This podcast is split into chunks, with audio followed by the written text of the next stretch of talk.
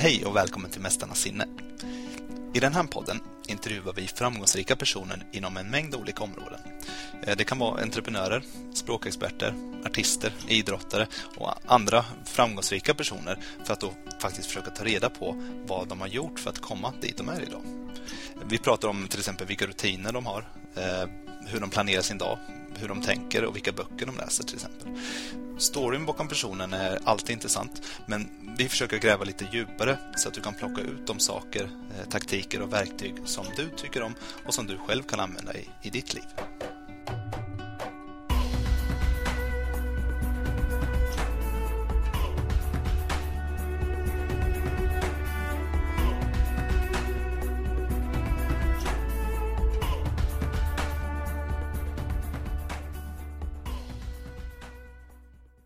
Det här avsnittet så möter vi Niklas Agervik. Han är grundaren till appen Instabridge som nyligen tog in en investering på 3 miljoner dollar.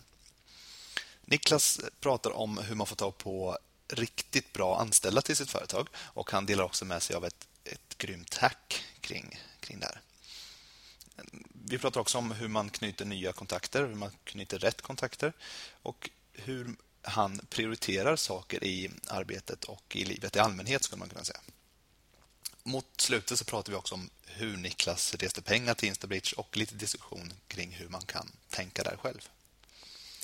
Jag skulle också vilja nämna att eh, i den här podden och i alla de här poddavsnitten så har vi inte varit ute efter något krispigt studioljud utan alla intervjuerna vi har gjort är gjorda över Skype. Och Det här har vi gjort för att underlätta för de som intervjuat, vilket också gett oss möjligheten att intervjua personer i USA och i andra delar av världen. Så då kör vi! Sådär Niklas, då säger jag välkommen till eh, podden. Tackar, tackar. Kul att vara här. Ja, hur står det till idag? Det är bra tycker jag. Det är lite regnigt i Stockholm, men annars är det väldigt bra. Ja, eh, hoppas att det kommer något, en vändning här i slutet av september så man får lite brittsommar i alla fall. Mm. Jo, jag tänkte direkt börja fråga dig lite grann här om, om Instabridge eh, och om egentligen då om någon skulle komma fram till dig på en en fest och frågar dig vad är, vad är det ditt företag gör? Vad jobbar ni med? Hur skulle du då förklara det?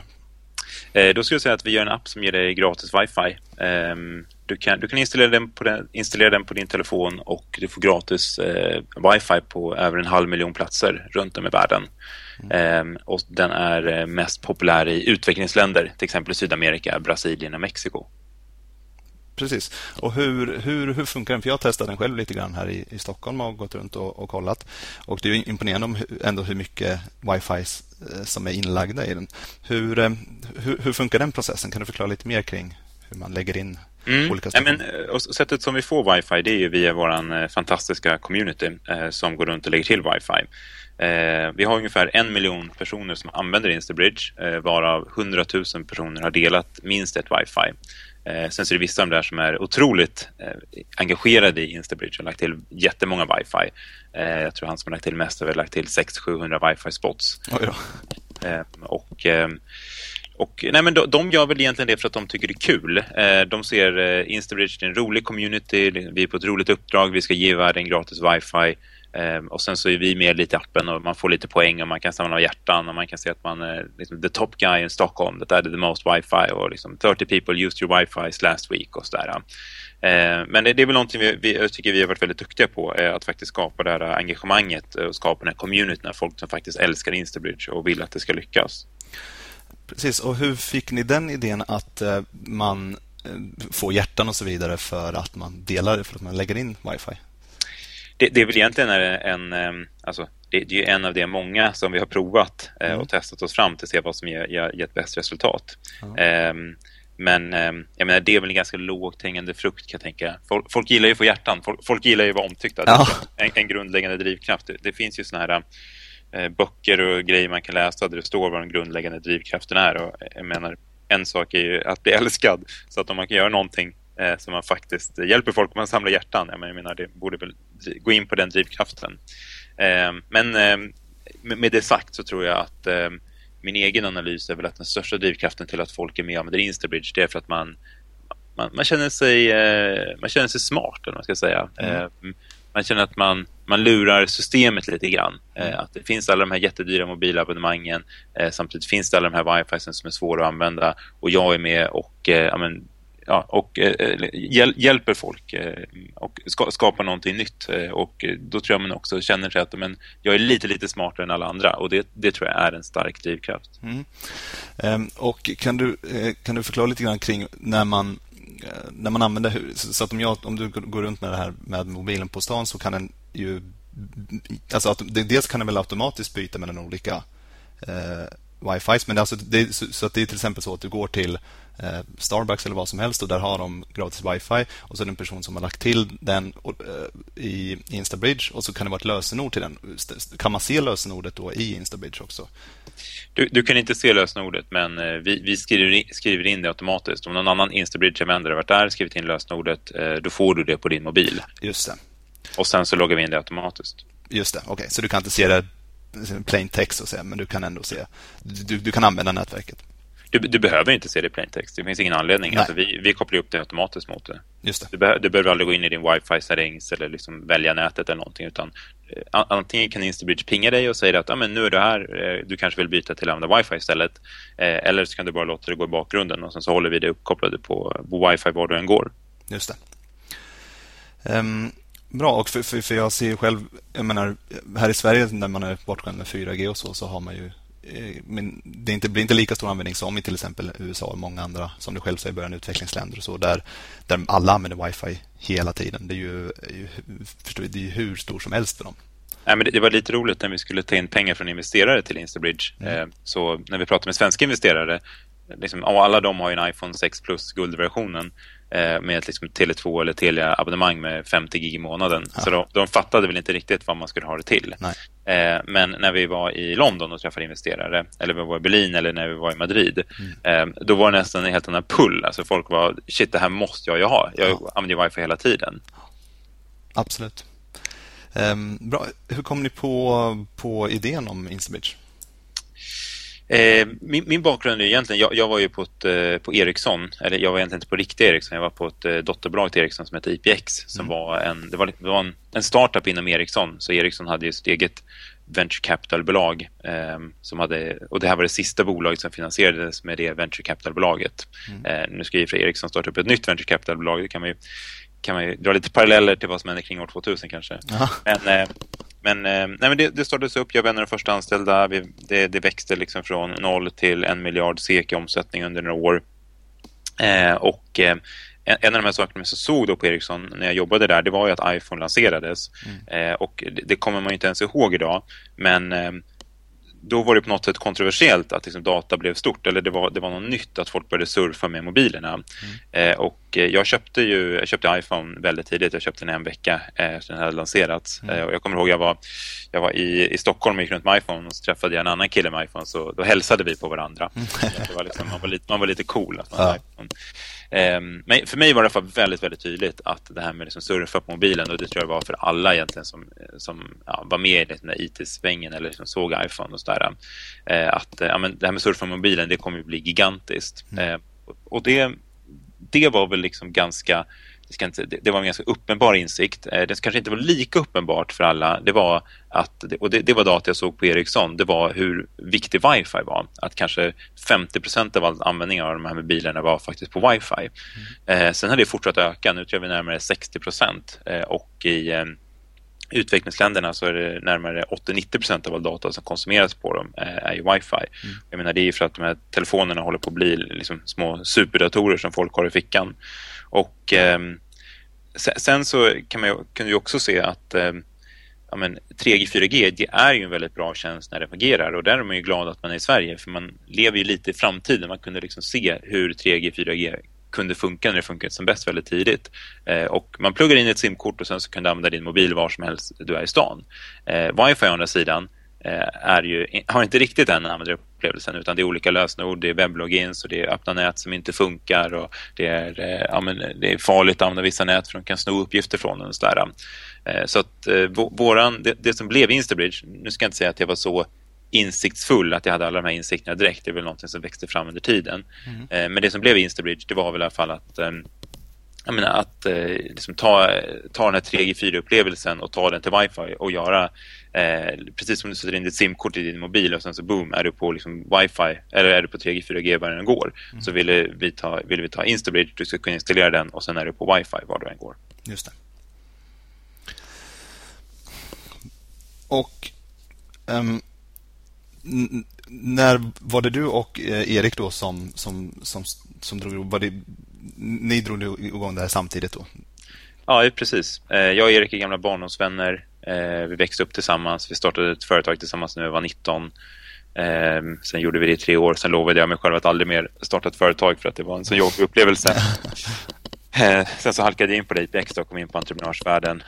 Sen blev jag rekryterad att driva Europakontoret för en amerikansk startup som heter Payphone. Eh, så då var jag liksom tillbaka i den här entreprenörssvängen och jag kände väl någonstans att ja, men det är det här jag egentligen vill göra. Mm. Så att, eh, nej, men jag och Erik började prata om att göra någonting. Vi hade bollat lite idéer fram och tillbaka. Ja, och sen så bestämde vi oss för att köra helt enkelt. Okej, okay, och vad gjorde Erik under tiden när du gick till IPX? Eh, Erik han gjorde lite alla möjliga saker. Han pluggade matte, han pluggade programmering, eh, han jobbade med webbutveckling. Eh, sen jobbade han även för sin familj, de har ett företag, eh, så han jobbade lite det. Mm. Eh, så, så, han, har ganska, han har gjort lite allt möjligt. Han, hade, mm. han var väldigt intresserad av matte eh, och han älskade ju samtidigt programmering, att bara bygga saker. Mm. Eh, så att vi, jag, jag, tror liksom jag och Erik, vi kompletterade varandra ganska bra. Jag är lite mer utåtriktad så. Eh, tycker det är så kul att prata med folk och entusiasmera. Eh, Erik tycker också det är kul att prata med folk, det är inte ja, så. Nej. Men eh, han, han brann lite, lite mer för själva programmeringen och byggandet än vad jag gjorde. Just det. Men det var, det var ändå ni, ni två som satt ihop och började programmera tillsammans, så ni båda började skriva kod i början? Jag, ja, jag ska, jag, ska, verkligen inte ta någon claim to fame och skrivit någon kod. Jag, jag skriver, jag, visst, det, det, finns lite, lite kod i, som jag har skrivit någon gång i tiden, men jag skulle säga att Erik skrev koden och jag stod för eh, produktarbetet. Intressant. Och idag, hur många personer är ni idag? Jag vet att ni var eh, sju stycken för några månader sedan och ni ska ju ta in mer folk. Har ni redan börjat göra det? Hur många är ni idag? Mm. Eh, det, har gått, det senaste året har gått upp och ner hur många vi var. Vi var sju ett tag, sen blev vi fem. Mm. Eh, sen har vi varit fem ganska länge och eh, sen blev vi eh, sen, sen, så har vi rekryterat två stycken eh, nu i somras. Eh, eller får man säga att det är höst nu? Jag vet inte. Ja, eh, men, alltså, alltså, två stycken och vi ska rekrytera åtta till. så det är väl egentligen det jag lägger all min tid på just nu. Att försöka hitta de här fantastiska personerna och övertala dem att jobba för oss. Mm. Okej, okay. och hur fick ni, för då hade, var du och Erik, du hade mer ja, som du säger, alltså, utåtagerande alltså, entreprenörer vill bilda bolag och så vidare som jag vet att du pratade om tidigare. Och Erik kanske lite mer eh, programmeringen. Eh, det var en väldigt bra match där. Hur, mm. Vad hade du gjort om du inte hade haft Erik där? Oj. Eh, jag, jag, tror så här. Ehm, att anledningen till att jag startade, eller att vi startade Instabridge, eh, det var för att jag hade Erik och mm. han var med. Ja. Ehm, jag vet inte om jag hade startat Instabridge om jag inte hade haft med mig. Mm. Eh, jag hade ju lite olika, lite olika idéer och lite olika saker jag ville göra i lite olika områden. Eh, och eh, men det här matchade allting. Det fanns liksom en produkt, en idé, en vision som, som jag brann för. Eh, och, det, och Erik fanns ja. tillgänglig på den idén. Eh, så att jag, är inte säker på att det hade blivit Instabridge jag hade startat om jag inte haft, eller jag hade haft Erik, om inte Erik hade varit med på det. Okej. Okay. Eh, jag ska komma tillbaka till det lite grann snart, men eh, då tänkte jag mer då på den tredje, fjärde och femte anställda. Hur, eh, hur gick ni tillväga för att hitta de personerna? Vi, vi, vi rekryterade i vårt, eh, vårt nätverk eh, bland kompisar och så här. Eh, sen så, så kan jag säga så här, sen är det ingen av dem som fortfarande jobbar på Instabridge. Okay. Det är en, kompis oss som fortfarande sitter i styrelsen som var med i början. Men ja, så att det det, är, det, är, det är farligt att rekrytera sina kompisar helt enkelt. Mm. Eh, sen så var det väl också så att vi var väldigt tidigt ute. Vi hade inte riktigt fått product market fit. Eh, ja, helt enkelt. Så idag, idag, idag är jag Erik och eh, eh, fem andra anställda. Mm. Okej, okay. Eh, det här och jag skulle vilja gå lite djupare i det här för det här är väldigt centralt för många som, som vill starta företag, kanske inte har ett nätverk från början, vet inte riktigt var de ska börja. Eh, även för företag som redan är igång och har kanske tio anställda och vill ta nästa steg och så vidare. Ehm, och just det här att ni tog beslutet då att ni måste byta ut dem som var med från början. Ehm, hur, hur kom ni till det beslutet? Eh, det, det, jag ska inte säga att jag kom till det beslutet. Det var inte så att jag vaknade upp en dag och sa att vi måste byta ut alla anställda. eh, alltså, det, det, det följer väl på dem också att eh, folk kände att eh, det här funkar inte. Jag vill liksom inte vara med. Eh, mm. folk hoppade av. Eh, ibland i, i något fall så sa vi till någon att det här funkar inte. Du måste liksom du, du måste sluta. Mm. I, i, egentligen ska jag säga att ja, ja alltså Egentligen var det så här, när man tittar tillbaka på det så var det väldigt uppenbart att eh, liksom, den konstellationen och sättet vi jobbade på då, det, det var fel. Eh, alla, ville väl, alla ville väl att Instabridge skulle lyckas och liksom alla hade lite energi och så här, men det liksom, vi var fel personer på fel plats och vi hade liksom inte rätt kompetenser inne. Mm. Eh, sen så i vissa fall så var det jag och Erik som insåg det. Eh, Erik insåg det säkert innan mig. Eh, och i andra fall så var det personer själva eh, som insåg det själva och kom, kom fram istället och, och sa det. Men det är, mina, det, det, man kan säga så här, nu, nu får jag låta väldigt lätt, men det är givetvis det är otroligt, liksom, jag känner nästan när ångesten växer bara jag pratar om det här. Men, och, och, och, givetvis en, en liksom väldig, väldigt jobbig process. Ja. Um, och jag menar, om man själv som VD, man, eh, man lovar ju liksom guld och gröna skogar eh, mm. på något sätt. Eh, inte för att man ska överdriva, men liksom man tror ju kanske verkligen på sin idé och så här. Mm. Eh, och sen så kanske det inte alltid blir så. Eller det blev inte så i vårt fall. Det var liksom en mycket tuffare och jobbigare resa än vad vi hade trott. Mm. Och ehm, ja, det är det klart. Det är klart liksom att eh, det, är, det är jobbigt. Mm. Jag förstår det. Um, och de, de personerna som ni hittade sen då, som ni, som ni eh, tog in sen. Var, var, det var genom nätverket. Var det, för jag vet att ni sitter på SAP 46 och så. Eller vilket var det? Var det nätverk från alltså skoltiden och så vidare? Eller vilket, vart hittar ni?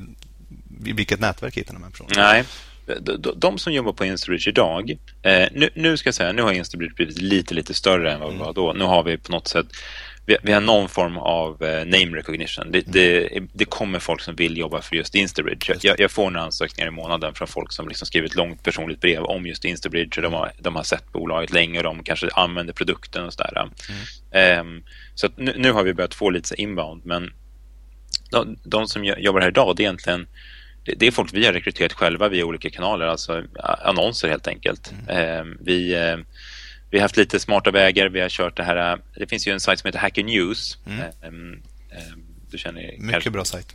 Ja, mycket bra sajt. Ja. Och de har ju en gång i månaden eh, så har de en post. Liksom, det, det är ett forum då för de som inte känner till det. Mm. Eh, liksom en tråd som någon postar och då står det att who's hiring. Mm. Eh, och då kan man liksom eh, posta där och säga det. Så jag la in en reminder i min kalender exakt liksom fem minuter innan den där posten kom upp varje månad. Ja. Den kom precis samma tid. Ja. Eh, så vi alltid den första posten. Att, Eh, och sen så erbjöd vi, erbjöd vi relocation. Så att vi har alltid sagt att vi anställer folk från hela världen och vi hjälper dig att flytta till Sverige om det behövs. Wow. Eh, och, och, vi har flyttat eh, tre personer. Vi håller på att flytta tre personer till nu. Um, så att, um, ja, det är det. Vi, sen vi, vi har annonserat på lite andra såna programmeringssajter, Stack Overflow och sådär. Uh, och jag, jag, tror att vi erbjuder ganska spännande liksom, utvecklingsmöjligheter och liksom en spännande produkt att jobba på. Jag tror många, om du gillar iOS eller Android-utveckling, då tror jag mm. att Instagram är ett ganska kul bolag att jobba på. Mm. Absolut. Bra, där fick vi lite fina Ja, nu får ingen, ingen får sno det.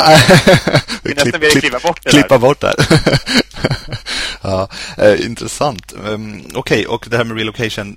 Uh, uh, jag har, jag har till exempel Jonathan Littke som var med i den här podden också. Eh, Lookback. De har ju de är både kontor i Stockholm och i eh, ja, Silicon Valley. Och de, eh, de har ju mer distanstänket. Alltså de, de, de, de här, du, du, måste inte flytta varken till Stockholm eller Silicon Valley. Är det någonting som ni har funderat på? Eller ni... Eh, vi, vi, vi, har provat det. Mm. Jag, jag, gillar det inte alls. Ehm, jag, jag, tycker att folk ska, har man en startup då har man ju resurserna, då ska du ju kunna rekrytera folk som sitter bredvid dig på mm. kontoret. Mm. Um, alltså, de, delvis är det ju positivt för dig, uh, eller liksom de som redan sitter på kontoret, att det kommer in någon till och liksom det blir en annan dynamik och du vet, en, en till person att gå ut och äta lunch med. Liksom. Mm. Um, ja, men, och sen så är det roligt för dem också att vara med i teamet och liksom alla, alla med, tittar på samma metrics och sådär. Visst, det, det, det, funkar. Jag ska inte säga att, liksom, att det, det är dåligt när folk jobbar remote. Det, det går ju att göra det. Mm. Men jag, jag, tycker att liksom, fördelen är så stor att få folk som sitter engagerade och sitter bredvid en på kontoret som man kan liksom kasta en penna på när man vill att de ska ta sig lurarna. Det, det, är, det är värt väldigt mycket. Ja. Bra. Eh, sista frågan angående det här som jag funderar på var eh, om Låt oss säga att en entreprenör som flyttar till Stockholm, inte har något nätverk här, inga kontakter överhuvudtaget i stan så att säga då. Eh, de är intresserade av, av tech till exempel och mm. Eh, han eller hon vill då eh, förverkliga de här idéerna som suttit med. Vart skulle, man, vart skulle du säga att man skulle börja då?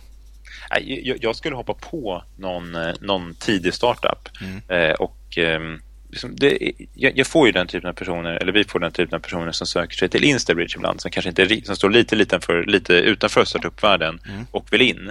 Eh, och då, då, då, säger jag alltid till dem liksom att Instabridge är alldeles för sent. Mm. Eh, vi kan liksom inte ta in någon som är en C-level executive, liksom inte den typen av personer vi vill ha. Om du mm. står utanför och vill komma in i startup-världen, ja, men, då ska man komma på någonting som är väldigt tidigt.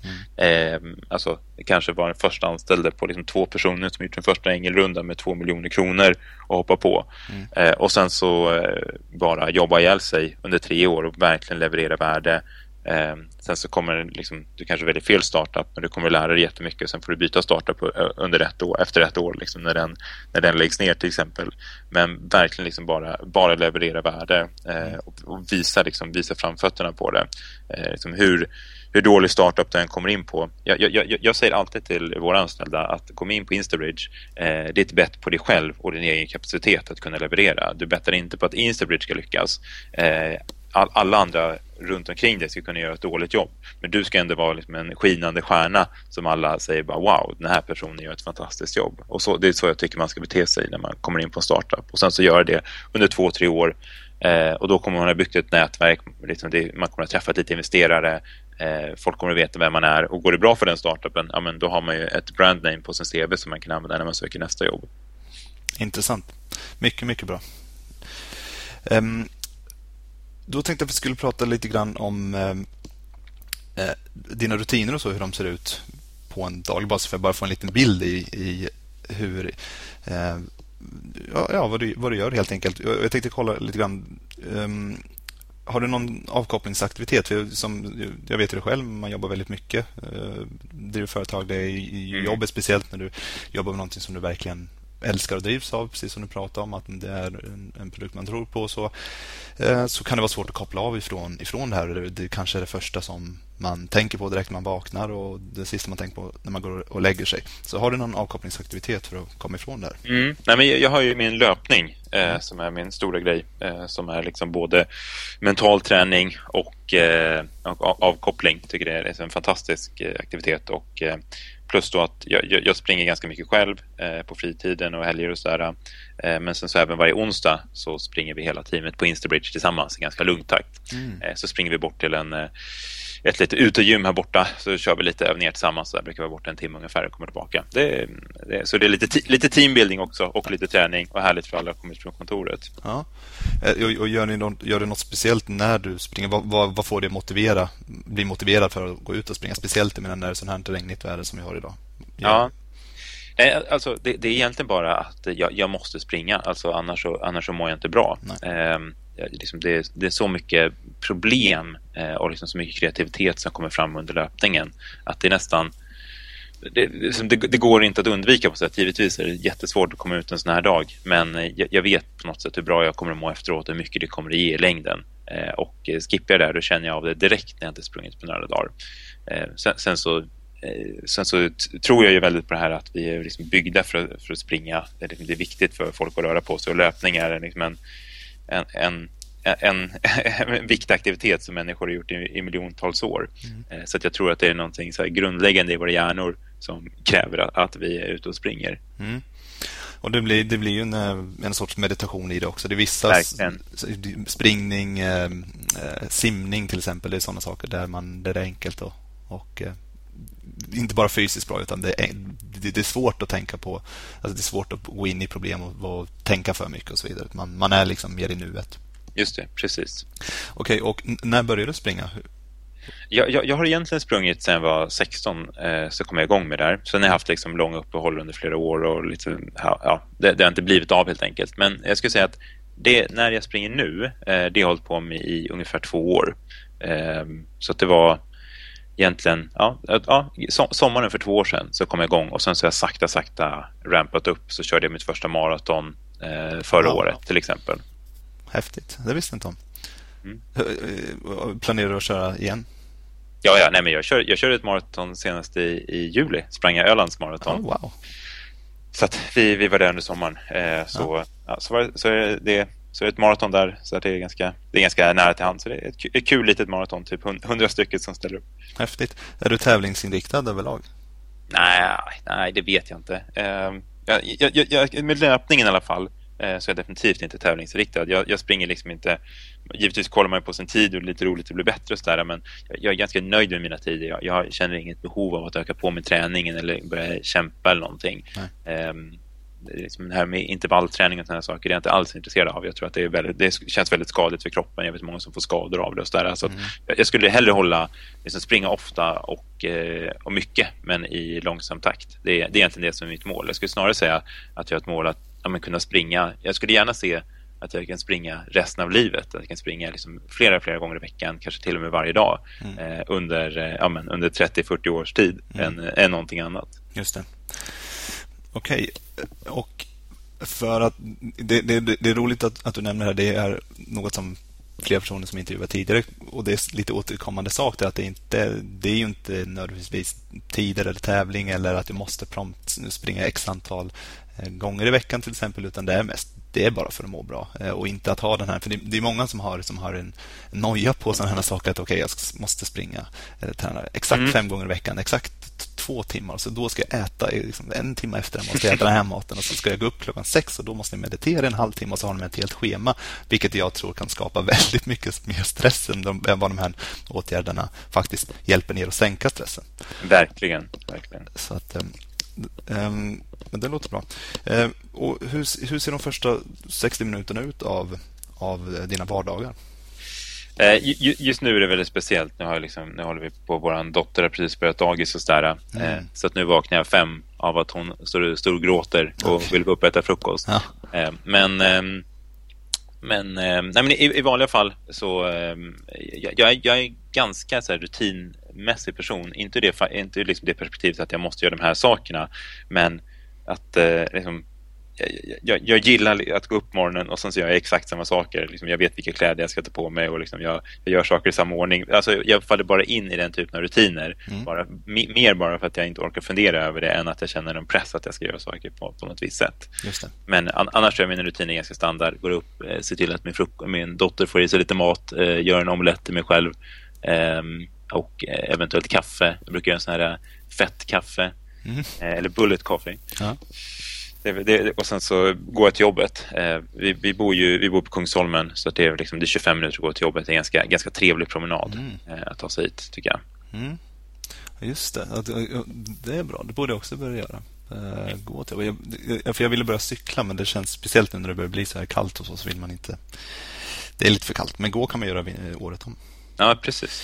Eh, bra. Är det några speciella sajter som du direkt kollar? Några appar som alltid är det något du alltid kollar direkt på morgonen för att checka, checka läget på världen? Nej, inte direkt på morgonen faktiskt. Eh, det, det, då vill jag liksom bara komma upp och, och komma iväg till jobbet. Jag, kollar mejlen. Mm. Eh, jag är väl lite mejlberoende kanske. Mm. Det, det, det, är väl alltid det första jag kollar. Se vilken, vilka katastrofer som har hänt under natten. Mm. Eh, som måste lösas direkt. är det många katastrofer?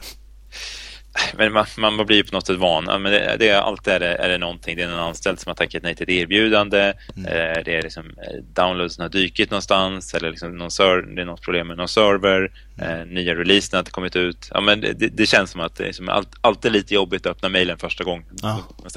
ska, det, ska det ha hänt någonting? Hur många mejl har du på morgonen ungefär? Det, det, varierar, det varierar mycket, men jag kan väl ha liksom en, en inte så mycket, jag kan ha tio mejl kanske mm. på morgonen. Mm. Ja, men det är bra.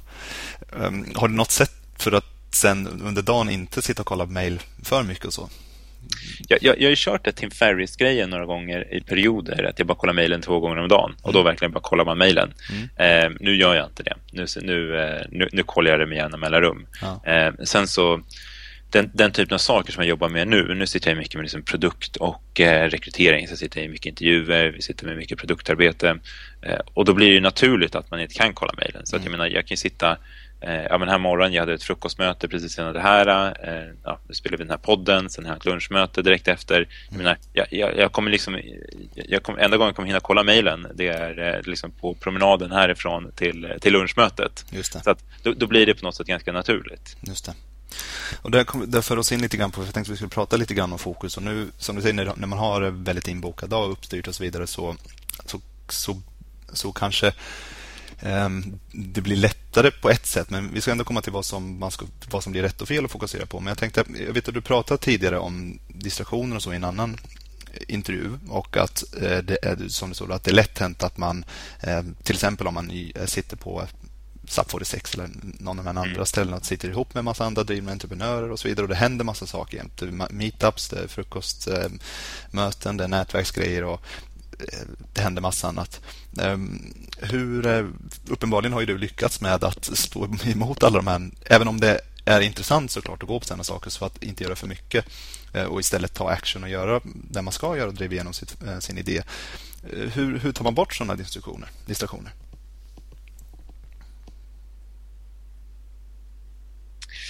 Jag bestämde, på något sätt förra året så bestämde jag att jag har liksom tre prioriteter i livet och det är, eh, det är liksom familjen, eh, jobbet och eh, löpningen. Det, det är de tre sakerna.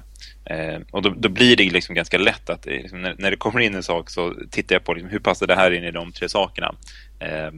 Och då blir det ganska lätt att säga, säga nej till saker. Sen säger jag jag skulle gissa att jag framstår som ganska tråkig. Alltså det, jag, jag, får väldigt mycket, men jag får, inte ska säga att det är mycket, men liksom det är hela tiden saker som händer. Det är, ja, men det, man blir inbjuden på att liksom, ta öl med någon och, och eller liksom, gå på någon fest eller någonting. Och jag, jag säger nästan alltid nej mm. eh, till allting. Mm.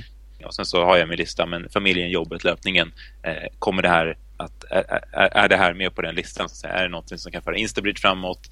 Eh, kommer det här att göra att jag får spendera mindre tid med min familj? Jag tycker redan jag spenderar för lite tid. Eller kommer det här hindra mig från att eh, göra löpningen? Ja, men då, då, då säger jag nej, eh, tyvärr. Eh, men eh, ja, det, det, är det enda sättet jag har hittat att, eh, att kunna prioritera. Mm. Eh, det här älskar jag, det är riktigt, riktigt bra. Eh, och då blir nästa fråga Eh, hur. För, för även så om ni har satt upp det här systemet så gäller det att följa det också. Du har då familjen, jobben och löpningen. Men eh, så är det någon som ringer och vill ta en, en bira och det kanske är någon som du inte träffat på ett tag och så, men du, du, du sitter mitt uppe i något annat jobb och så vidare. Men det kanske ändå, din, din eh, alltså reaktionen blir ändå direkt att ah, men visst det skulle vara, vara skönt att göra det. Hur gör du för att stanna upp i de, i de här olika distraktionerna och, och ändå välja välja rätt? Har du något trick eller att du är, du är bra på att... Jag menar, skriver du ner det så ber du alltid ja, men får, jag fundera här två minuter så sitter du och tänker på det, eller hur, hur funkar det? Nej, jag, jag tycker att nu, nu, går det ganska lätt. Alltså, på något sätt så... Om, jag, när någon säger någonting så här, okej, okay, ska, vi, äh, ska vi ta en öl här om tre veckor? Så, så tänker jag, okej, okay, om tre veckor då ska jag den här kvällen, jag ska inte gå från jobbet hem till familjen, jag kommer inte, inte få lägga min dotter, eller eh, ja, jag, jag, jag kan liksom leva i mig själv. Jag, det är så många gånger jag har tackat ja till någonting och sen när klockan blir fem eller sex, jag sitter med massa grejer på jobbet, jag känner att amen, jag skulle verkligen behöva jobba vidare nu, eller, eller så känner jag att nej, men nu skulle jag verkligen vilja komma hem och liksom, eh, träffa min dotter tio minuter innan, innan hon ska somna. Eh, nej, nej, och jag har varit med om det så många gånger att jag har suttit där och känt att jag har valt fel. Mm. Eh, så att då, då, då, blir det så, det, det, blir inte lockande helt enkelt. Att jag, jag, känner bara nej, nej det här går inte, jag, jag kan inte göra det. Mm. För jag, jag, vill inte göra det, det är, liksom, det är, min, det är, min, eh, det är min naturliga reaktion. Ja, Bra, jättebra. Um, och då tänkte jag gå över lite grann till, till jobbet och så. Du kanske har alltså, så, så när, du, när, du, sitter och jobbar, du väljer att prioritera nu ska jag jobba. Eh, och så har man då såklart väldigt mycket olika uppgifter och man vill försöka avgöra vad är viktigast. Som, jag menar, ibland så kan man ju sitta, ja, det kanske, låt oss säga att en del av din uppgift till exempel skulle vara att du, du ska sitta på sociala medier och prata lite grann med folk för att, för att eh, eh som, som har frågor om produkten till exempel eller, eller vad det nu kan vara. Mm. Eh, så det, det är en av dina saker du ska göra. Sen ska du eh, rekrytera personer och sen så ska du göra så. Har man, man har ju sina olika uppgifter. Hur, prioriterar du de här uppgifterna? Och, och egentligen behöver jag fråga det är lätt att vara upptagen med att vara upptagen ibland. Mm. Alltså, okay, som Twitter, visst nu sitter jag här och gör det här. Men egentligen så är inte det det mest viktiga kanske. Så hur prioriterar du vad som är viktigast i jobbet? Jag, jag ska definitivt inte genombilla mig själv att jag är perfekt på att prioritera, att jag alltid, eh, att jag alltid fattar rätt beslut. Det, det gör jag inte. Mm. Men ehm, jag, jag försöker alltid, när jag, när jag kommer in på morgonen så försöker jag alltid skriva ner eh, vad, vad det är som jag måste göra innan jag går från kontoret idag. Mm. Eh, och eh, sen så, jag menar, mina uppgifter är ju, det, jag tycker att det, det, det, är, ganska enkelt ändå att, eh, att jag, jag, vet ju vad jag måste göra. Jag menar, det, det enda som eh, kommer att ge Instabridge någonting det är att vi har en fantastisk produkt som folk älskar eh, och vi har ett större community som använder den Eh, och vi har liksom growth, alltså produkten växer, det kommer in, eh, in, in, in mer personer som använder den här månaden än vad det gjorde förra månaden. Mm. Um, och sen så finns det lite olika saker man kan göra för de tre sakerna. För att de tre sakerna ska hända. Mm. Um, och då är det bara, det är bara att välja någonting. Liksom, ja. Där är en, liksom en lång lista på saker som måste göras. Jag, jag kan tycka det svåraste just nu, uh, det är det här, jag tycker min tid är väldigt uppsplittrad nu. Jag sitter Eh, ja, men jag var för några veckor sedan, jag håller på att jaga kontor till exempel, vi ska flytta till eget kontor. Mm. Eh, och det gick verkligen all in på liksom, kontorsmarknaden och försökte förstå, okej okay, vad ska vi göra för att kunna hitta ett fantastiskt kontor? Liksom. Mm. Eh, och tittade liksom, på 15 20, eh, ja, inte 20 kanske, 15 kontor under två veckors tid.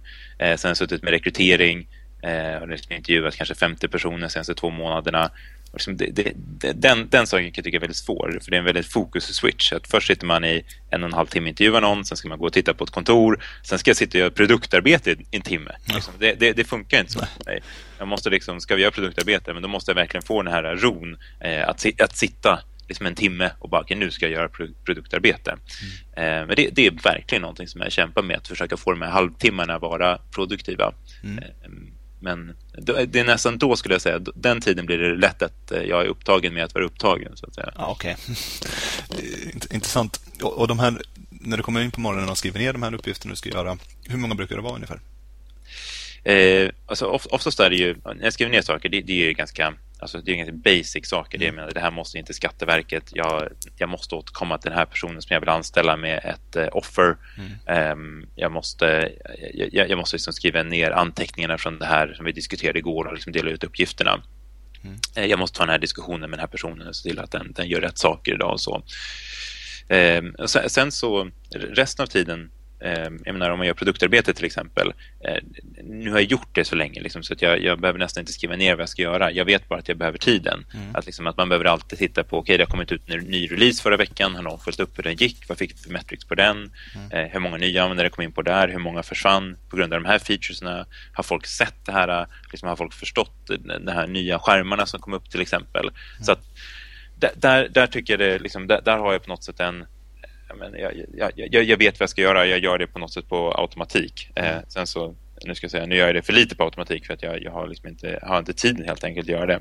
Mm. Men eh, de, de sakerna behöver jag oftast inte skriva ner i alla fall. Det blir ganska uppenbart vad jag ska göra där. Just det. Och eh, då, om man kopplar tillbaka till igen att du har de här tre olika prioriteringarna eh, eh, och sen så har du jobbet så ska du ha, göra de här uppgifterna i alla fall som du skriver ner och som de uppenbara saker du ska göra.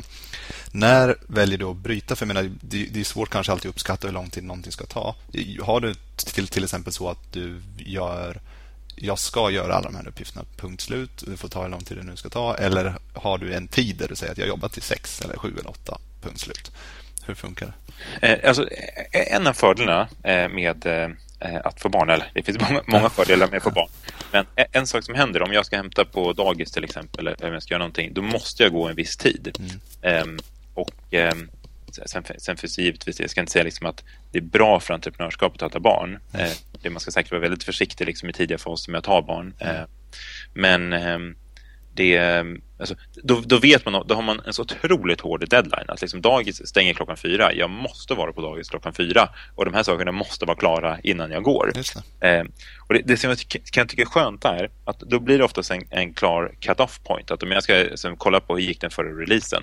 Ja, men då kan jag sitta med det. Sen suttit med det. Shit, nu har jag suttit med det en halvtimme. Nej, nu får jag liksom bara ja, nu får jag skicka ut ett mejl till Erik och säga att men så här gick det i releasen och liksom det, här, det här är sammanfattningen. Jag kommer inte göra ett bättre arbete än så här för det finns ingen mer tid att göra det. Just Det är lite farligare om jag vet att jag inte ska hämta på dagis så jag kan jobba liksom till nio. Ja, men då kan man sitta och göra liksom en lite djupare analys. Sen så är det inte alls säkert att den blir bättre. Nej. Men ja. Ja, bra. Så kära poddlyssnare, Niklas rekommenderar skaffa barn. jag vet inte vad det var det jag sa. Ja, nej, nej, men intressant. Um, har du några speciella verktyg för att uh, organisera anmält förutom papper och penna? Kör du Evernote eller någonting sånt? Ja, jag, jag, jag kör Evernote och Wunderlist, eller vad det heter, Wunderlist. Ja, just det, Wunderlist, ja. Eh, men Evernote älskar jag. Jag har, eh, jag har hur mycket anteckningar som helst. Delvis så så kommer jag på någonting som jag vill göra. Eh, menar att man, en del, man har ju pratat om det, att en del har liksom ett anteckningsblock vid, eh, vid sovrummet så att om de kommer mm. på någonting på kvällen innan de ska somna skriver de upp det. Och det, det har jag liksom i Evernote. Just det. Eh, och det är också skriver vad jag borde göra idag. Jag skriver upp anteckningar från möten. Så att eh, jag, jag, jag, lever lite i Evernote skulle jag säga. Ja, intressant. Hur, jag använder själv Evernote, det är många som gör det. Det tog dock för mig ett år innan jag fattade hur jag skulle använda det. Eh, hur kom, kom du in? För det, det, finns så många olika sätt att använda det på känns det som. Hur, kom, hur lärde du dig Evernote? Liksom, följde du någon bloggpost, någon video eller någonting eller kom Nej. du bara in i det på något sätt? Alltså, jag, jag, jag använder liksom Evernote på det absolut mest basic sättet som möjligt går. Jag tror liksom att de skulle skratta åt mig om de skulle se det. Men jag använder liksom två knappar. Jag använder den här New Note, mm. så, så skriver jag saker. Ja. Eh, och ibland så ritar jag saker. Ja på, om man är på mobilen och man får en idé. Mm. Eh, så även om man, har någon, om man sitter och ritar på whiteboard kan man fota och lägga in Evernote. Men eh, jag skulle säga att liksom, 95 eh, av alla mina inlägg i Evernote det är liksom en new note och, och sen så står det tre rader text i den. Just det. Och sen så har jag liksom, ja, jag vet inte hur många som jag har, men liksom för ja. många. Okej. Okay. Men och, och, och, då, då tänkte jag bara fråga när du säger att du får en idé och du skriver ner till exempel. Vart brukar du få de idéerna då? Är det, är det på i sängen eller är det när du är ute och springer eller vart det Alltså, det, det, finns ju olika typer av idéer. Alltså, det, delvis är det de här bara liksom att man, man, vet, man har gått och funderat på ett problem. Ja. Alltså, i, ibland är det, det, det, kan vara vad som helst, det behöver inte vara en produktidé. Det kan vara att ja, man har fått en fråga från en investerare som man är dålig på att svara på. Mm. Um, och för mig i alla fall så är det så, de kommer det är liksom någon bakgrundsprocess som går igång. Eh, och då gäller det liksom bara den löpa fritt och se till att, det inte, att man inte har någonting annat som hjärnan tycker är viktigare som den försöker fokusera på istället. Mm. Eh, men om löpning till exempel brukar vara ett fantastiskt sätt. Liksom. Jag vet inte hur många problem som liksom hjärnan har bara hittat på sakerna. Jag, jag, upplever inte själv att jag gått och tänkt på det problemet under en och en halv timme. Mm. Men när jag kommer tillbaka så har jag, men då, då har jag liksom en idé på hur jag vill, hur jag vill göra det här. Eh, sen så absolut eh, i sängen, jättemånga precis innan man ska somna. Ja. Eh, det, det, det tycker jag är ena typen av idéer. Den andra typen av idéer är ju mer sådana här som man tar fram genom hårt arbete. man sitter och har ett produktmöte eller liksom en workshop kring någonting. Mm. Eh, sen så är man några personer i rummet och man försöker liksom spåna, okay, hur ska vi kunna göra det här? Vad har vi för olika alternativ? Mm. Eh, och, och det är en annan typ av problemlösning när man verkligen sitter och tar upp data, men hur ser det här ut? Liksom, hur skulle det se ut om vi gjorde på det här sättet? Eh, så att jag, jag skulle säga det, det är de två det, är de två problemlösningssätten som, som jag har i alla fall. Just det. Absolut. Det eh, intressant. Har, i, om vi dyker lite djupare i den processen när ni sitter ner och eh, eh, eh, kör en workshop. Vad, eh, hur, kan du berätta lite grann om hur den processen brukar se ut? Mm. Ja, men det, den, den, det workshop-aktiga vi gör, det är, det är produktarbetet. Alltså vad ska vi komma med i nästa version av Instabridge? Vad, det, vad det är som inte funkar? Eh, och eh, det, det, brukar vi göra så här. Eh, och det, det, det, tror jag är en bra process. Jag har fått liksom lite tips från andra eh, som är smartare än mig kring det. Och sen har vi givetvis utvecklat det lite själva också. Men egentligen är det så här att eh, jag är lite ansvarig för att ta fram problemen. Mm. Jag försöker liksom titta på data, jag försöker få input från användare och ha, ha liksom en, en, bild över vilka problem har vi in, i Instabridge. Vad är det som inte funkar med produkten? Var tappar vi folk till exempel? Eller liksom, varför gör folk inte det här? Mm. Ehm, och sen så innan en workshop då försöker jag skicka ut det. Ja, men här är här är de problemen vi har, det är det här vi ska fokusera på. Eh, och sen så kan ju folk liksom komma med lite frågor innan. Men har vi någon data kring det här, det här, det här? Eh, oftast har jag lite idéer på olika koncept. Eh, liksom, jag kanske har tio koncept och man skulle kunna göra det här, det här, det här. Och en del av de koncepten kan ju vara att vi bara gör, bort, gör om Instabridge helt. Mm. Eh, det gör vi ju inte. Men det kan ändå vara man kan ändå lära sig någonting från det. Ja. Ehm, och sen så försöker vi, sen så har jag oftast de andra, vi, vi hade en designworkshop här i tisdags. Eh, då hade vi, vi har ju Dan som är advisor till oss, Dan Gärdenfors, han var med på det här TAT, mm. ett designbolag från Malmö som såldes till eh, Blackberry för några år sedan. Mm. Och vår designer Klara. Um, och då, ja, men, då har vi alla, alla vi har ju lite idéer helt mm. enkelt kring det. Sen brukar vi gå igenom lite koncept, alla har lite olika idéer vi kan göra det. Och sen så när man, man, man bara sitter och diskuterar igenom dem och man verkligen frågar, men vänta nu, om den här skärmen såg ut på det här sättet, vi visar den här texten, eh, varför tror vi att det skulle bli bättre? Eh, men det, den processen tror jag ofta är Liksom, det, det, gäller bara att ha mycket idéer. Alltså det gäller bara att spotta ur sig saker. Mm. Eh, det är lika, Google gör ju eh, design sprintar. Det, eller egentligen ska jag säga så här, det, det, det är från Googles design sprintar lite som jag har snott den här processen. Mm. Eh, och det är, de, de tar in liksom alla stakeholders i ett rum och sen så bara, du vet, försöker de bara spåna upp alla idéer de kan. Alla kommer ju dit med massa idéer och massa förutsättningar. Och målet är ofta bara att få upp så mycket saker som på väggen, sen försöka jobba igenom dem och försöka göra dem så klart det bara går. Eh, det man kan ju vara att man bara ritar på whiteboarden. Det kan vara liksom att en designer verkligen tar tar fram fyra skärmar exakt som här ska se ut. Mm. Eh, och sen så oftast har man ju bra magkänsla när man verkligen ser det så klart som möjligt. Känner man att om det här skulle kunna funka. Eh, sen kan man ju ta det lite längre. Man kan ta in, rycka in en annan person från korridoren och visa dem några, några screenshots. Men hur hade du reagerat på den här skärmen? Mm. Ja, sen kan man ta det ännu längre. Man kan göra en prototyp eller så kan vi till och med be utvecklingsteamet faktiskt lägga in den featuren. Så skickar vi ut den till tusen personer och så ser vi hur de reagerar på den. Mm. Eh, ja, och sen så blir det input liksom, till nästa design sprint och så vidare. Okej, och Eh, vad, vad, är det som avgör vilken av alla de här idéerna ni testar? Hur kommer ni fram till det? Ja, det, det är väl eh, alltså, det är en blandning av magkänsla slash erfarenhet skulle jag säga. Mm. Eh, alltså, när man säger testa, man kan testa det på olika saker. Ibland har jag haft en idé och sen när vi ritar upp den på whiteboard och vi går igenom men, men hur skulle det verkligen påverka flödet? Då ser allihopa men det här kommer aldrig funka. Mm. Ingen kommer fatta det här. Eh, och ibland så ser man att ja, det, det, kanske finns någonting här om vi kan, om vi kan vis, visa upp det för användaren på rätt sätt, om vi kan skriva texterna rätt. Eh, och då kanske testa, det kanske är bara du vet att vi ritar det på ett papper och sen så rycker man tag i någon i korridoren och testar det. Mm. Så det finns liksom olika, olika nivåer av testning. Men när det har kommit så pass långt att eh, vi faktiskt ska implementera det, eh, då vill vi gärna testa att det på lite personer, verkligen har kanske gjort någon mockup eller en prototyp och fått feedback, eh, skickat till, till, till kompisar eller liksom folk vi känner och sen verkligen försökt jobba igenom det, tänkt på det några dagar så där, innan man verkligen börjar lägga utvecklingstid på det. Just det. Eh, okej, okay. och eh, du, du, nämnde att ni testade, man kan testa genom att skicka det till tusen personer till exempel. De som inte känner till processen i hur man, hur man testar olika saker i en app. Hur, hur, hur funkar det? Det finns ju, alltså, delvis finns ju någonting som heter usertesting.com. Mm. Eh, det är en väldigt bra resurs tycker jag. Man kan ladda upp sin app och sen så, det kan vara en unreleased app också. Den behöver inte finnas på Play Store.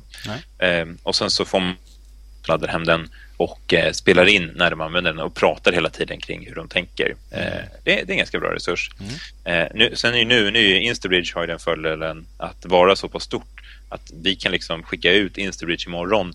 Eh, ja, men då har jag då kan jag liksom ha eh, några hundratusen personer som har kört den några timmar senare. Mm. Eh, så att då, då blir det lite enklare. Ja. Eh, sen kan vi också göra lite AB-tester. Ibland har vi skickat ut saker liksom till tusen personer i en viss stad för att mm. se hur de reagerar. Mm.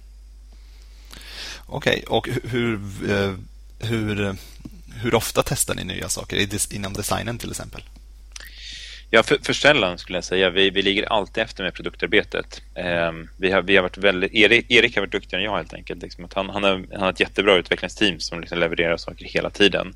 Eh, och det är väl egentligen en insikt från Instabridge, skulle jag säga. Att det är snarare något som inte vi fattade när vi började. Men produktarbetet tar ju betydligt mycket längre tid än utvecklingsarbetet. Mm. Eh, liksom, utvecklarna på Instabridge är jätteduktiga. Vi har jättebra liksom, sprintsystem med de här scrummötena. Så liksom, hela tiden så bara levereras det saker. Mm. Eh, men det, tar, det kan ju ta en månad att eh, verkligen sitta och jobba igenom en feature eh, innan man vill börja implementera den. Sen har, sen har vi gjort så nu eftersom vi, liksom, vi har, har haft den lyxen att då har vi bett utvecklarna bygga upp någonting som är halvklart och sen så har vi bara pushat ut det och liksom, ja, fått resultat. Men mm. eh, jag skulle hellre vilja att vi hade lite mer, lite mer tid och lite mer produkt eh, ja, vad ska jag säga, lite mer, eh, mer resurser på produktsidan. Just det.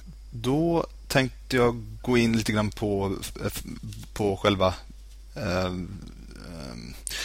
alltså byggandet av, av bolaget och så vidare, vilket vi såklart pratar om hela, hela vägen här. Men du har nämnt i en, en intervju tidigare att, att ehm, man har olika saker kanske man är duktig på. Vissa är mm, till exempel duktiga på att måla, vissa är duktiga på, på si och så. Och eh, mm. Du är duktig på att bygga bolag. Du tycker det är skoj att skapa någonting från grunden, som du sa. Um, alltså, varför tror du att du blev bra på det? Um, ja, jag vet, ja, jag vet inte. Det är nästan en filosofisk fråga varför mm. jag har blivit bra på det. Um, det kanske helt enkelt är så att jag, jag är ju ensambarn, har inga syskon. Så att jag liksom alltid varit eh, van att leka själv. Mm. Eh, så att jag kanske liksom har funnit någon trygghet i det här. Att liksom vara, vara själv i början och faktiskt liksom skapa någon, någonting från början. Mm. Jag vet inte, det är det enda. Det, det, är det närmaste jag kan komma på. Men ja. det, det, kommer inte från en djuplådad psykologisk analys. Nej. Det är bara, bara en gissning. Det är så, ja, precis. Och um, om man vill starta då ett, ett, ett bolag från, från början um, och inte gjort det tidigare. Du, du nämnde tidigare att man vill, att det är bra att gå in i en startup och, och eh, inte bara jobba för företaget där utan även jobba för sig själv och göra sitt bästa hela tiden och hela den, den biten. Eh, men vad, vad, vad, tror du att sen då när man har gjort det eh, och sen startar ett första företaget, vad är, vad är de vanligaste misstagen man gör när man bygger bolag? Eh, ja, det vet jag faktiskt inte exakt vad de är. Alltså, vi, vi har gjort alla misstag man kan. Mm. Eh, liksom bygga fel produkt, rekrytera fel personer, försöka racea pengar för tidigt. Ja. Eh, haft fel processer i hur vi utvecklar, hur vi bygger produkten. Så att, ja, för, för mig är det svårt eftersom jag har gjort alla, alla misstag som liksom går på hela brädet. Eh, men eh, jag, jag skulle säga att eh, rekrytering är ju otroligt viktigt. Mm. Eh, att, eh, att få in rätt personer mm. och eh, kunna, kunna, kunna rekrytera. Mm. Veta vad det är för typ av profil man letar på dem man, man ska, ska jobba tillsammans med. Mm. Det är ändå de på något sätt i slutändan som faktiskt är företaget. Mm. Och verkligen fundera över den företagskultur man vill ha. Det tror jag är, det tror jag är viktigt. Och sen så vet jag inte, det är väldigt svårt att säga några konkreta grejer. Okej, mm. liksom, hur, hur gör man det? Hur bygger man en företagskultur? Mm. Eh, det, vet, det, det, vet jag inte. Eh, men eh, det är väl väldigt bra att ha lite skinn på näsan. Man ska gärna, jag, jag tror att man ska ha, ha anställt lite personer i, liksom innan man gör startup och kanske till och med sparkat lite personer. Det tror jag är väldigt bra. Eh, och eh, företagskultur. Jag menar, jag har varit på Instabridge när det var en dålig företagskultur. Eh, nu tycker jag det är en fantastisk företagskultur. Mm. Så att jag, sen vet jag liksom inte riktigt hur, hur, hur vi kom dit. Mm. Eh, men eh, det, det, är väl liksom... Eh, ja, det, det, finns liksom inga silver bullets. Jag menar, det, är bara, det är bara att jag och Erik har, har jobbat väldigt mycket. Vi har, vi har liksom haft en väldigt öppen dialog med varandra. Vi har varit lite ärliga mot varandra. Mm. Erik kan liksom säga till mig, men liksom Niklas, det här är, du är helt dum i huvudet, du kan inte göra det här. eh, men till exempel, jag, är ett väldigt, bra exempel på ja. det. Ehm, det var igår, jag, jag, var lite frustrerad för jag satt och bokade upp, jag hade så mycket tid bara sitta och boka möten. Mm. Ehm, så sa jag till Erik att jag kanske borde skaffa en assistent. Ehm, mm. Liksom någon som, ja, men, typ sekreterare som bara kan boka möten åt mig. Och man kan ju ha såna här det, finns ju här sajter man kan ha någon i typ Indien som man bara kan CCa in liksom. Ja, precis. så, här, så har de tillgång till en kalender. Är det typ app, genom Upwork eller något liknande? Nej, det är via Your Remote Assistant heter det. Ah, okay. Eh, fantastisk tjänst. Ah. Eh, eller, ja, alltså när jag sett andra hamnar. Ah, ah. Men då, då sa Erik liksom så här, okej, okay, jag förstår det, men vad skickar det för signaler till, liksom, till investerarna, till, eh, liksom, till de anställda att liksom, Niklas har en assistent? Ja. ja och eh, där har, där har han ju en poäng. Ja. Han, han är helt rätt. Liksom. Det hade sett jättedumt ut. Ja. Att, eh, även om det är en jätteliten kostnad så liksom, måste man nog tänka lite på sådana saker också. Ja. Det där är intressant. Tror du att det finns någon skillnad kulturellt där? Det känns som att i USA till exempel hade det varit okej, okay, mer. Absolut, ja. absolut. Nej, men det, det är likadant som eh, liksom att ha städhjälp hemma. Alltså, mm. För tio år sedan kunde du inte ha det i Sverige. Nej. Det var liksom inte kulturellt accepterat. Nej. Nu liksom känner jag ingen som, som inte har städhjälp. Alla har det. Ja. Så, absolut. Nej, men i, i, USA så har vi mer um, har, en, har de en sån kultur. Det, mm. det, är också intressant kan jag säga i en, som en liten eh, parentes. Då. Vi jobbar mycket i Brasilien, mycket använder där. Mm. Eh, och i Brasilien är det en kultur att amen, du ska anställa folk. Alltså det syns som att, liksom, att du har en städare, du har en gardener eller vad du nu har. Alltså, jag menar, eh, du, du, du, liksom, du förväntas på något sätt liksom, hjälpa andra att få Just jobb. Det. Um, och jag tycker det är, det är en väldigt fin kultur. Uh, vi, vi, har på något sätt någon helt annan kultur där. Ja. Och visst, givetvis, jag hoppas att det kommer bli som assistenter för att jag, jag vill jättegärna ha ja, precis. precis. Ja, skoj. Uh, och roligt uh, annorlunda tankesätt som sagt att, att um, det hjälper ändå att få jobb såklart. Ja. Bra. Eh, jag ska skriva upp det här i, i noteringarna också som kommer vara med eh, på webbplatsen sen så att vi kan läsa om det. Men yourremoteassistant.com va? Mm. Bra. Eh, Okej. Okay. Eh, ja, det finns mycket som jag vill dyka in i här, men, men för att det inte ska... Eh, vi ska försöka... Det, det, vi tittar på då ändå vad ni, har, vad ni har gjort och vad ni har lyckats väldigt, väldigt bra med är ju eh, du säger att ni har gjort väldigt mycket olika misstag, ni har, men ni har ju ändå lyckats bra med, med rekryteringen, även om det såklart man gör misstag och så. Och det, och det är ju en del av hela biten såklart att göra de här misstagen. Men någonting som jag funderar på, ni har ju, stämmer att ni totalt tagit in 4 miljoner dollar? Ja, precis. Vi, vi, hade, vi hade, det är lite mer pengar än så egentligen. Vi har vi hade lite Friends, Family and Fools, eller vad man ska säga, ja. eh, 2012. Okay.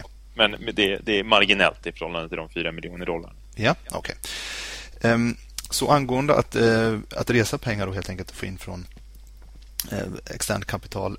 Um, jag vet att, också att du här du har sagt att det är en, en, en skill man inte kan lära sig till genom bloggposter eller tips och tricks och så här, utan det är något man måste ut och göra helt enkelt. Men det är ju ändå så att man måste börja någonstans. Så, så, så, så om jag nu har mitt jag har appen eh, klar och det är kanonbra och så vidare. Jag vill försöka få in, få in investerare. Vart, vart börjar man någonstans? Ja, men för det första så har man följt mitt första råd och jobbat på en startup i några år. Mm. Eh, då har man ju troligtvis fått hänga med på lite investerarmöten om man har sett lite pitch decks. Eh, om man kanske har sett, eh, man kanske till och med varit på en startup som har misslyckats resa pengar. Mm. Det, det, kan ju också kan, kan vara lika intressant det som att varit på en som har rest pengar. Eh, och kanske har lite ett nätverk och sådär. Ehm, men ehm, sen så, ja, om man ska börja. Eh, tänker du liksom att jag ska prata igenom liksom lite processen, vilka steg man ska ja, ta? Ja, precis. Precis. Ja. Eh, det första jag skulle göra i så fall det är att läsa den här boken Venture Deals. En fantastisk bok, mm. väldigt kort och koncis som bara beskriver så här ser liksom Venture Deals ut. Alltså mm. de här, så här ser termsen ut, så här brukar de se ut. Och, eh, bara liksom så man, man vet när, när folk det, det, kommer att ta ett tag innan man kommer börja förhandla någonting. Det är egentligen det den boken är till för. Mm. Men det är nog väldigt bra att eh, bara ha alla de termerna. Alltså när man sitter på ett möte och någon säger convertible note, mm. ja, men då vet man precis vad de menar och liksom vad implikationen är det, för det kommer mm. att påverka mycket i din, i din fundraising. Um, men, men, det jag skulle göra är ett, ta fram ett eh, slide deck, eh, en teaser, teaser slide deck, mm. eh, tio slides, eh, bakgrund, produkt, vision, team, marknad, ja, lite, man kan ju, det är bara att googla. Man kan kolla min Twitter, jag, jag tweetade mitt liksom, ideal, ideal slide deck också för några veckor sedan. Vad heter du på Twitter? Niklas underscore A. Niklas underscore, ja. Men eh, man kan bara googla. Liksom. Ja. Det finns ju typ mint.com och Mixpanel och några sådana här har lagt ut sina slide. Så man kan bara kolla på dem. Eh, göra tio slides. Sen så eh, pitcha för lite personer eh, i ens närhet. Eh, man kan ju pitcha för typ mig till exempel. Jag, jag kan, kan säkert eh, lyssna på en pitch eh, och ge lite feedback.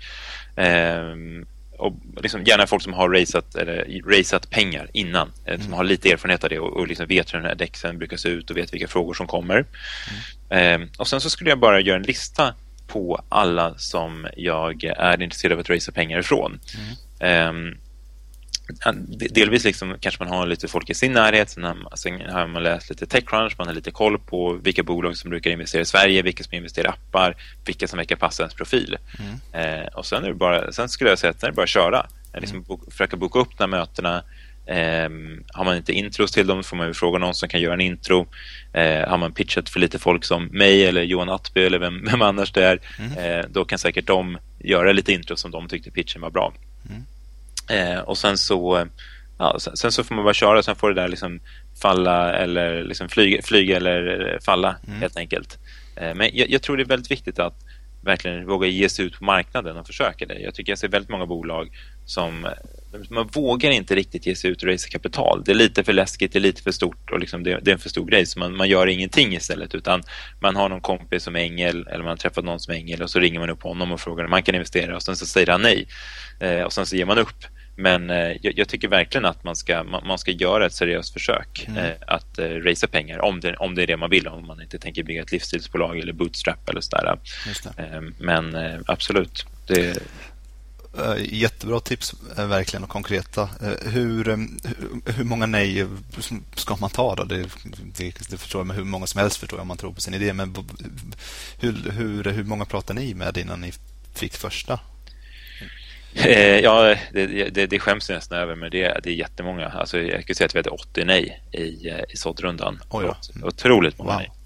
nej. Um, så att, men, eh, men, men, och sen ska man säga så här. Eh, liksom, vi, vi, eh, lång historia kort, men vi fundraisade under två perioder. Eh, vi började fundraisa 2012, vi misslyckades, vi gjorde ett nytt försök eh, senare under året eh, och sen fundraisade vi lite däremellan. Mm. Och sen så lyckades det andra försöket med, som Creandum ledde. Mm. Eh, så att eh, vi kanske, hade vi Alltså, det, man, man får nästan se det när i början, det var lite mer läroprocess där, där det var massa, massa saker som gick fel. Eh, sen så när vi gjorde det rätt första gången, eh, liksom senare, ja men då tror jag vi hade en bättre story. Liksom, vi, vi visste mer vad vi gjorde på något sätt. Att då var det mycket större chans att vi skulle lyckas stänga den. Eh, men, men, men det är svårt att, och, att eh, säga att så här många nej ska du ta. Jag menar, man ska ju inte vara dum i huvudet heller. Alltså, om alla har sagt så här, men jag tror aldrig du kommer kunna tjäna pengar på det här. Ja, då kanske det är någon man ska ta sig till. Liksom. Om tio personer i rad har sagt det, eh, då kanske man ska ta det till sig och faktiskt fundera på det innan man går och pitchar 70 personer till. Eh, sen, sen beror det mycket på vem man vem man tar in som investerare. Eh, man kan ju ha pitchat fel typer av investerare också. Eh, det tror jag är fullt möjligt. Alltså, tittar man på Instabridge, jag menar, vi har en story här, liksom en plan. Menar, vi vill bli nästa unicorn. Liksom, målet är att bli nästa WhatsApp eller Truecaller eller vad som helst. Eh, och eh, det är inte alla investerare som är intresserade av det. En del är ju, ja men de vill se pengar in, pengar ut. Du ska köpa någonting, refina det och sen så säljer det vidare. Du ska ha en produkt liksom, eh, som, som du säljer. Eh, vi är inte ett sånt bolag. Och eh, jag menar, om, om det inte det är folks investeringsprofil eller riskprofil, ja, men då är det inte intressant.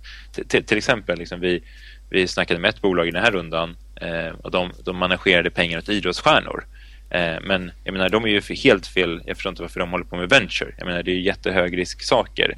Eh, men de, kan ju, de hade gått in i en del startups, men då var det väldigt tydligt att det var pengar in, pengar ut. Eh, och de kanske, de, ingen av de här bolagen kanske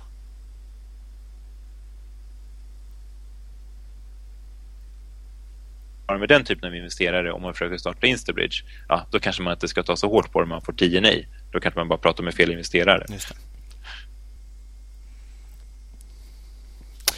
Jo, just det. Um, Okej, bra. Och eh, Kickstarter till exempel. Är det någonting som du rekommenderar? Känner du någon som har lyckats där? Hur...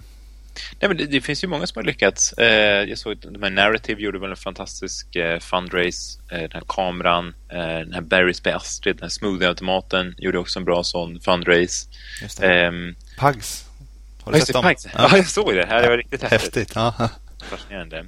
Ehm, alltså, sen, så, jag menar, det- är väl det bygger väl mycket på vad det är för typer av bolag. Det känns som att det finns liksom Kickstarter-bolag eh, som bara passar på Kickstarter. Jag, jag, jag är själv liksom inget jättefan av det där. Ehm, jag menar, egentligen, alltså, om du har en, liksom, bra Liksom, om du har en bra story, en bra produkt liksom, du har någonting som folk vill investera i, då förstår jag inte varför man inte bara kan gå ut på marknaden och få pengarna av liksom, riktiga professionella investerare. Eh, det, det som egentligen händer på den marknadsplatsen är att du får investerare som inte är professionella och som fattar beslut på en, en, liksom en kul reklamfilm eh, i- istället för att liksom göra en due diligence och verkligen gå igenom bolaget. Ja, men är det, kan de här personerna göra det de har sagt att de ska göra? Finns den möjligheten? Finns tekniken och sådär? Ehm, så jag, jag, jag har inte riktigt liksom fattat hur de passar in i det här stora ekosystemet. Men eh, sen så är det bara att... Eh, sen tycker jag det är jättekul att det finns. Jag menar, jag har själv backat saker på Quickstarter och liksom, det finns ju uppenbarligen många som lyckas. Ehm, men ehm, ja, jag, jag är inte lika liksom, bullish på det som eh, andra är. Nej. Bra, intressant. Mm, och då är det ju så att ofta så... mm, Vad man ofta får höra när man lyssnar på, på, på intervjuer och när man läser eller när man läser media, eller kanske främst överlag, eh, så får man ju ofta höra solskenshistorier och och allting. Att det är bara att tänka positivt och köra på. Det är speciellt amerikansk eh, media är väldigt mycket sånt. Och, eh, och sådär. Och nu har vi ju gått igenom här alla och det är jätteroligt att du delar med dig. Jag menar en sån sak som du berättar om att eh, misslyckades 80 gånger med att få in eh, kapital. Det är ju, är ju extremt inspirerande för, för, för personer som, som vill lyckas att höra det. Eh, för att då ser man verkligen jobbet som, som låg bakom. Vilket man ofta inte ser. Eh, och min fråga är då eh, om vi så, man hör ofta solskenshistorier, man hör framgången och så vidare. Finns det något tillfälle där du verkligen kände just i In- Instabridge att nu är det helt kört? Nu är det liksom Ja, men med tanke på att det fanns ett tillfälle där jag skrivit upp eh, ut den här konkursblanketten och den till Bolagsverket. att, är det så alltså? Ja, ja, absolut. Hur länge sedan var det? Det, det, det var ett tag sedan nu. Eh, det var det. Men mm. eh, det, det, det fanns ett tillfälle där Instabridge var konkursmässigt. Eh, mm. Hoppas inte Bolagsverket jagar upp mig nu. Nej, klippa bort det här också. ja. Nej, men då, då kan vi väl säga att jag tyckte det var ganska kört helt mm. enkelt. Okej, okay. och hur kom du ur det då? Um, ja, hur kom jag ur det? Ja, alltså, men jag ska säga så här, när, man går igenom sådana saker med ett bolag eh, som är så pass tuffa, alltså att man verkligen liksom har gett upp hoppet eller liksom folk slutar och eh, det, det, det, är liksom, det, är liksom väldigt jobbiga perioder. Mm. Eh, dels rent mentalt, jag ska säga det tar ett tag att komma tillbaka från en sån sak. Det är svårt liksom att ha gett upp allt hopp eh, och sen, så, sen, sen komma tillbaka. Mm. Eh, men eh, ja, hur kom vi igenom? Nej, men eh, till, till slut så eh, vi liksom, det, det tror vi har gjort rätt, liksom, det jag och Erik alltid har gjort. Liksom, vi har alltid kommit in till kontoret morgonen på något sätt. Vi har mm. liksom aldrig, aldrig slutat jobba hur jobbigt det än har känts. Nej. Så vi har alltid kommit in, vi har liksom varit här tidigt på morgonen och sen så hur menlöst jobbet har känts och liksom hur värdelöst det har känts så har vi bara jobbat vidare eh, och släppt en ny version av Instabridge. Och jag tror de som har följt Instabridge, eh, det, det tror jag man kan se. Liksom, det har alltid hänt saker. Alltså, mm eh, Eh, oavsett, det har alltid kommit nya versioner, det har alltid kommit in, liksom, det har kommit in nya anställda, det har kommit in mer pengar. Liksom, bolaget har alltid rört sig framåt på något sätt, det har aldrig varit stillastående. Eh, och det tror jag, även när det var som eh, tuffast där så, ja men Erik och jag, vi, vi fortsätter bara helt enkelt. Och sen så till slut så började det gå bättre. Mm. Ja, men det, det, känns ju svårt också att ge det som en rekommendation. Jag menar, att, eh, det, det, var inte alls säkert att vi hade klarat det. Nu gick det ju bra för oss, men jag menar, det är givetvis inte så självklart att man lyckas bara för att man fortsätter jobba trots att man har liksom... Båda mina kreditkort var ju liksom utmaxade. Ja. Eh, så att det är väl liksom inte rent... Tittar man rent statistiskt liksom säkerhetsmässigt så, ja, så var det nog ganska så låg odds att vi skulle kunna ta oss vidare. Men ja, det gick i alla fall. Ja, Precis, det är, det, är, säkert. Men samtidigt är det också så att eh, det är nog lik, det är nog 100% sannolikhet att alla, alla som har lyckats har genomlidit ungefär samma saker. Att ha ja, men verkligen. ma maxat kreditkorten och, och, och, inte liksom varit nära att lägga ner. Och, eh, alltså, jag menar, alltså, det är ändå... Ja, så det är svårt. Men, eh, men det kan man i alla fall säga att det är väl 100% säkert att det någon gång har känts så. Ja, absolut. um, bra. En annan fråga jag tänkte på här är att det, kan, det är svårt att tacka nej till saker som verkar lockande. Det dyker upp eh, ja, man får olika erbjudanden eller det, det, som jag tänker just nu specifikt på, på företaget och eh, det, problemet är att det kan ta dig ifrån det målet som man har. Då. Ehm, kommer du ihåg några saker som du fått tacka nej till eh, som har fört dig framåt sen?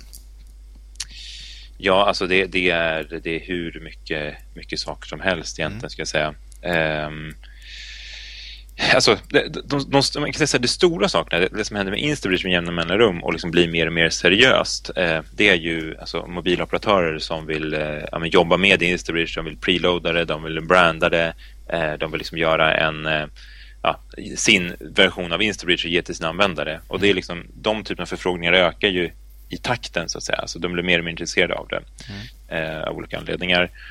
Och eh, där har vi alltid tackat nej helt enkelt. Vi har sagt mm. att nej, vi, vi bygger vår egen användarbas, eh, egen community. Vi är liksom inte intresserade av att, att liksom ha... Ja, det, det, för det är ett gigantiskt jobb att mm. jobba med en teleoperatör. Mm. Där har vi alltid sagt nej. Eh, och det alltid känns som rätt beslut men väldigt, väldigt jobbigt. Jag menar, eh, vi sitter med en grej nu. Det är en, en, en stor operatör med, som har operations i massa länder. Mm. Eh, och de tittar på liksom en Instabridge-liknande lösning som de vill pusha ut till liksom sina användare i sju länder. Mm. Eh, det är ganska tufft att säga nej till en sån sak för man bara ser shit, det här skulle kunna bli bra. Man ser framför sig hur pressreleasen skulle se ut. Eh, och, eh, så, men, men ändå så tackar vi nej. Ja. Eh, men alltid har det känts rätt efteråt. Efteråt har jag alltid känt att shit, vad tur att vi inte fastnade i den där grejen. Ja, vad bra. Så, då, då, så det som fick dig att ta, liksom, ta beslutet att ni inte ska göra det här, är det en eh, är det en logisk process eller en magkänsla? I och med att du efteråt kände att oh, det var skönt att vi inte gjorde det. Nej, men alltså, eh, här, här kan jag tacka min fantastiska styrelse. Jag, jag ville ju verkligen göra det här. Jag var jättesugen på att göra det. Ja. Pitchade styrelsen, men styrelsen sa nej. Ja. Eh, och de, hade ju, de gjorde ju helt rätt. Ja. Eh, så att, eh, det är ju bara att tacka att vi har en så bra styrelse. Men jag, jag, jag är liksom, jag är, ibland är det är kanske en feedback jag får ta till mig, att ibland är jag lite opportunistisk. Att liksom, när det kommer upp en möjlighet eh, så känner jag shit, nu måste vi ta det här. Ja. Eh, men, men det kommer alltid nya möjligheter. Eh, liksom det likaså ibland kommer någon person som vill ha jobb på Instabridge och man tycker bara wow, vilken otrolig bakgrund den här personen har. Eh, kanske inte riktigt passar in just nu, men fasen vi kanske bara borde anställa han eller henne eh, och bara så hittar vi en plats åt personen. Men eh, då är jag då är jag väldigt glad att vi inte har gjort det sen, för det, det blir inte bra. Man må, det måste komma liksom drivet av bolaget, att, att bolaget vill göra saker. Eh, inte, inte liksom att det händer saker utifrån i omvärlden eh, som får en själv att reagera. Just det. Okej, bra. Eh, vi ska ta och börja avrunda här eh, så smått. Jag hade bara ett, ett par eh, avslutsfrågor här som jag Mm. funderade på. Och eh, jag funderade dels på, har du några speciella företagare eller chefer eller människor överlag som du ser upp till? Alltså, pro- problemet med när man blir äldre tycker jag att man blir väldigt, eh, vad ska man säga, eh, inte- jag ska inte säga att jag är cynisk, för jag är definitivt inte en cynisk person. Men när jag var ung så såg jag upp väldigt, väldigt mycket till Steve Jobs. Eh, tyckte han var en riktigt cool person, liksom, och fantastiskt liksom, entreprenörskap. Eh, men nu när man blir äldre, jag menar, då lär man på något sätt känna den riktiga Steve Jobs. Jag, man läser hans biografier, man har sett med filmerna och sådär. Eh, så det är lite svårt att säga att man ser upp till en person som, ja, men, du vet, som inte tog hand om sin dotter Nej. och sådana saker. Ehm, men eh, han, han har varit en förebild under lång tid. Eh, sen ehm, tycker jag också att eh, alltså en, en förebild för mig just nu i alla fall i mitt entre- entreprenörskap det är Jan Kohm eh, som grundade WhatsApp. Jag tycker han, han har ju verkligen liksom, du vet, varit otroligt execution-fokuserad, inte sprungit runt massa konferenser, hållit föredrag, inte varit lockad av liksom snabba exits eller någonting utan han bara fokuserat på att bygga en fantastisk produkt och få den att växa. Eh, och det, det tycker jag är inspirerande. Jag tror det är så jag måste, det, det är så vi, vi jobbar också, det är så jag vill jobba. Eh, så, så, också tråkigt svar, Elon Musk givetvis, liksom alla har väl honom som förebild nu på något sätt.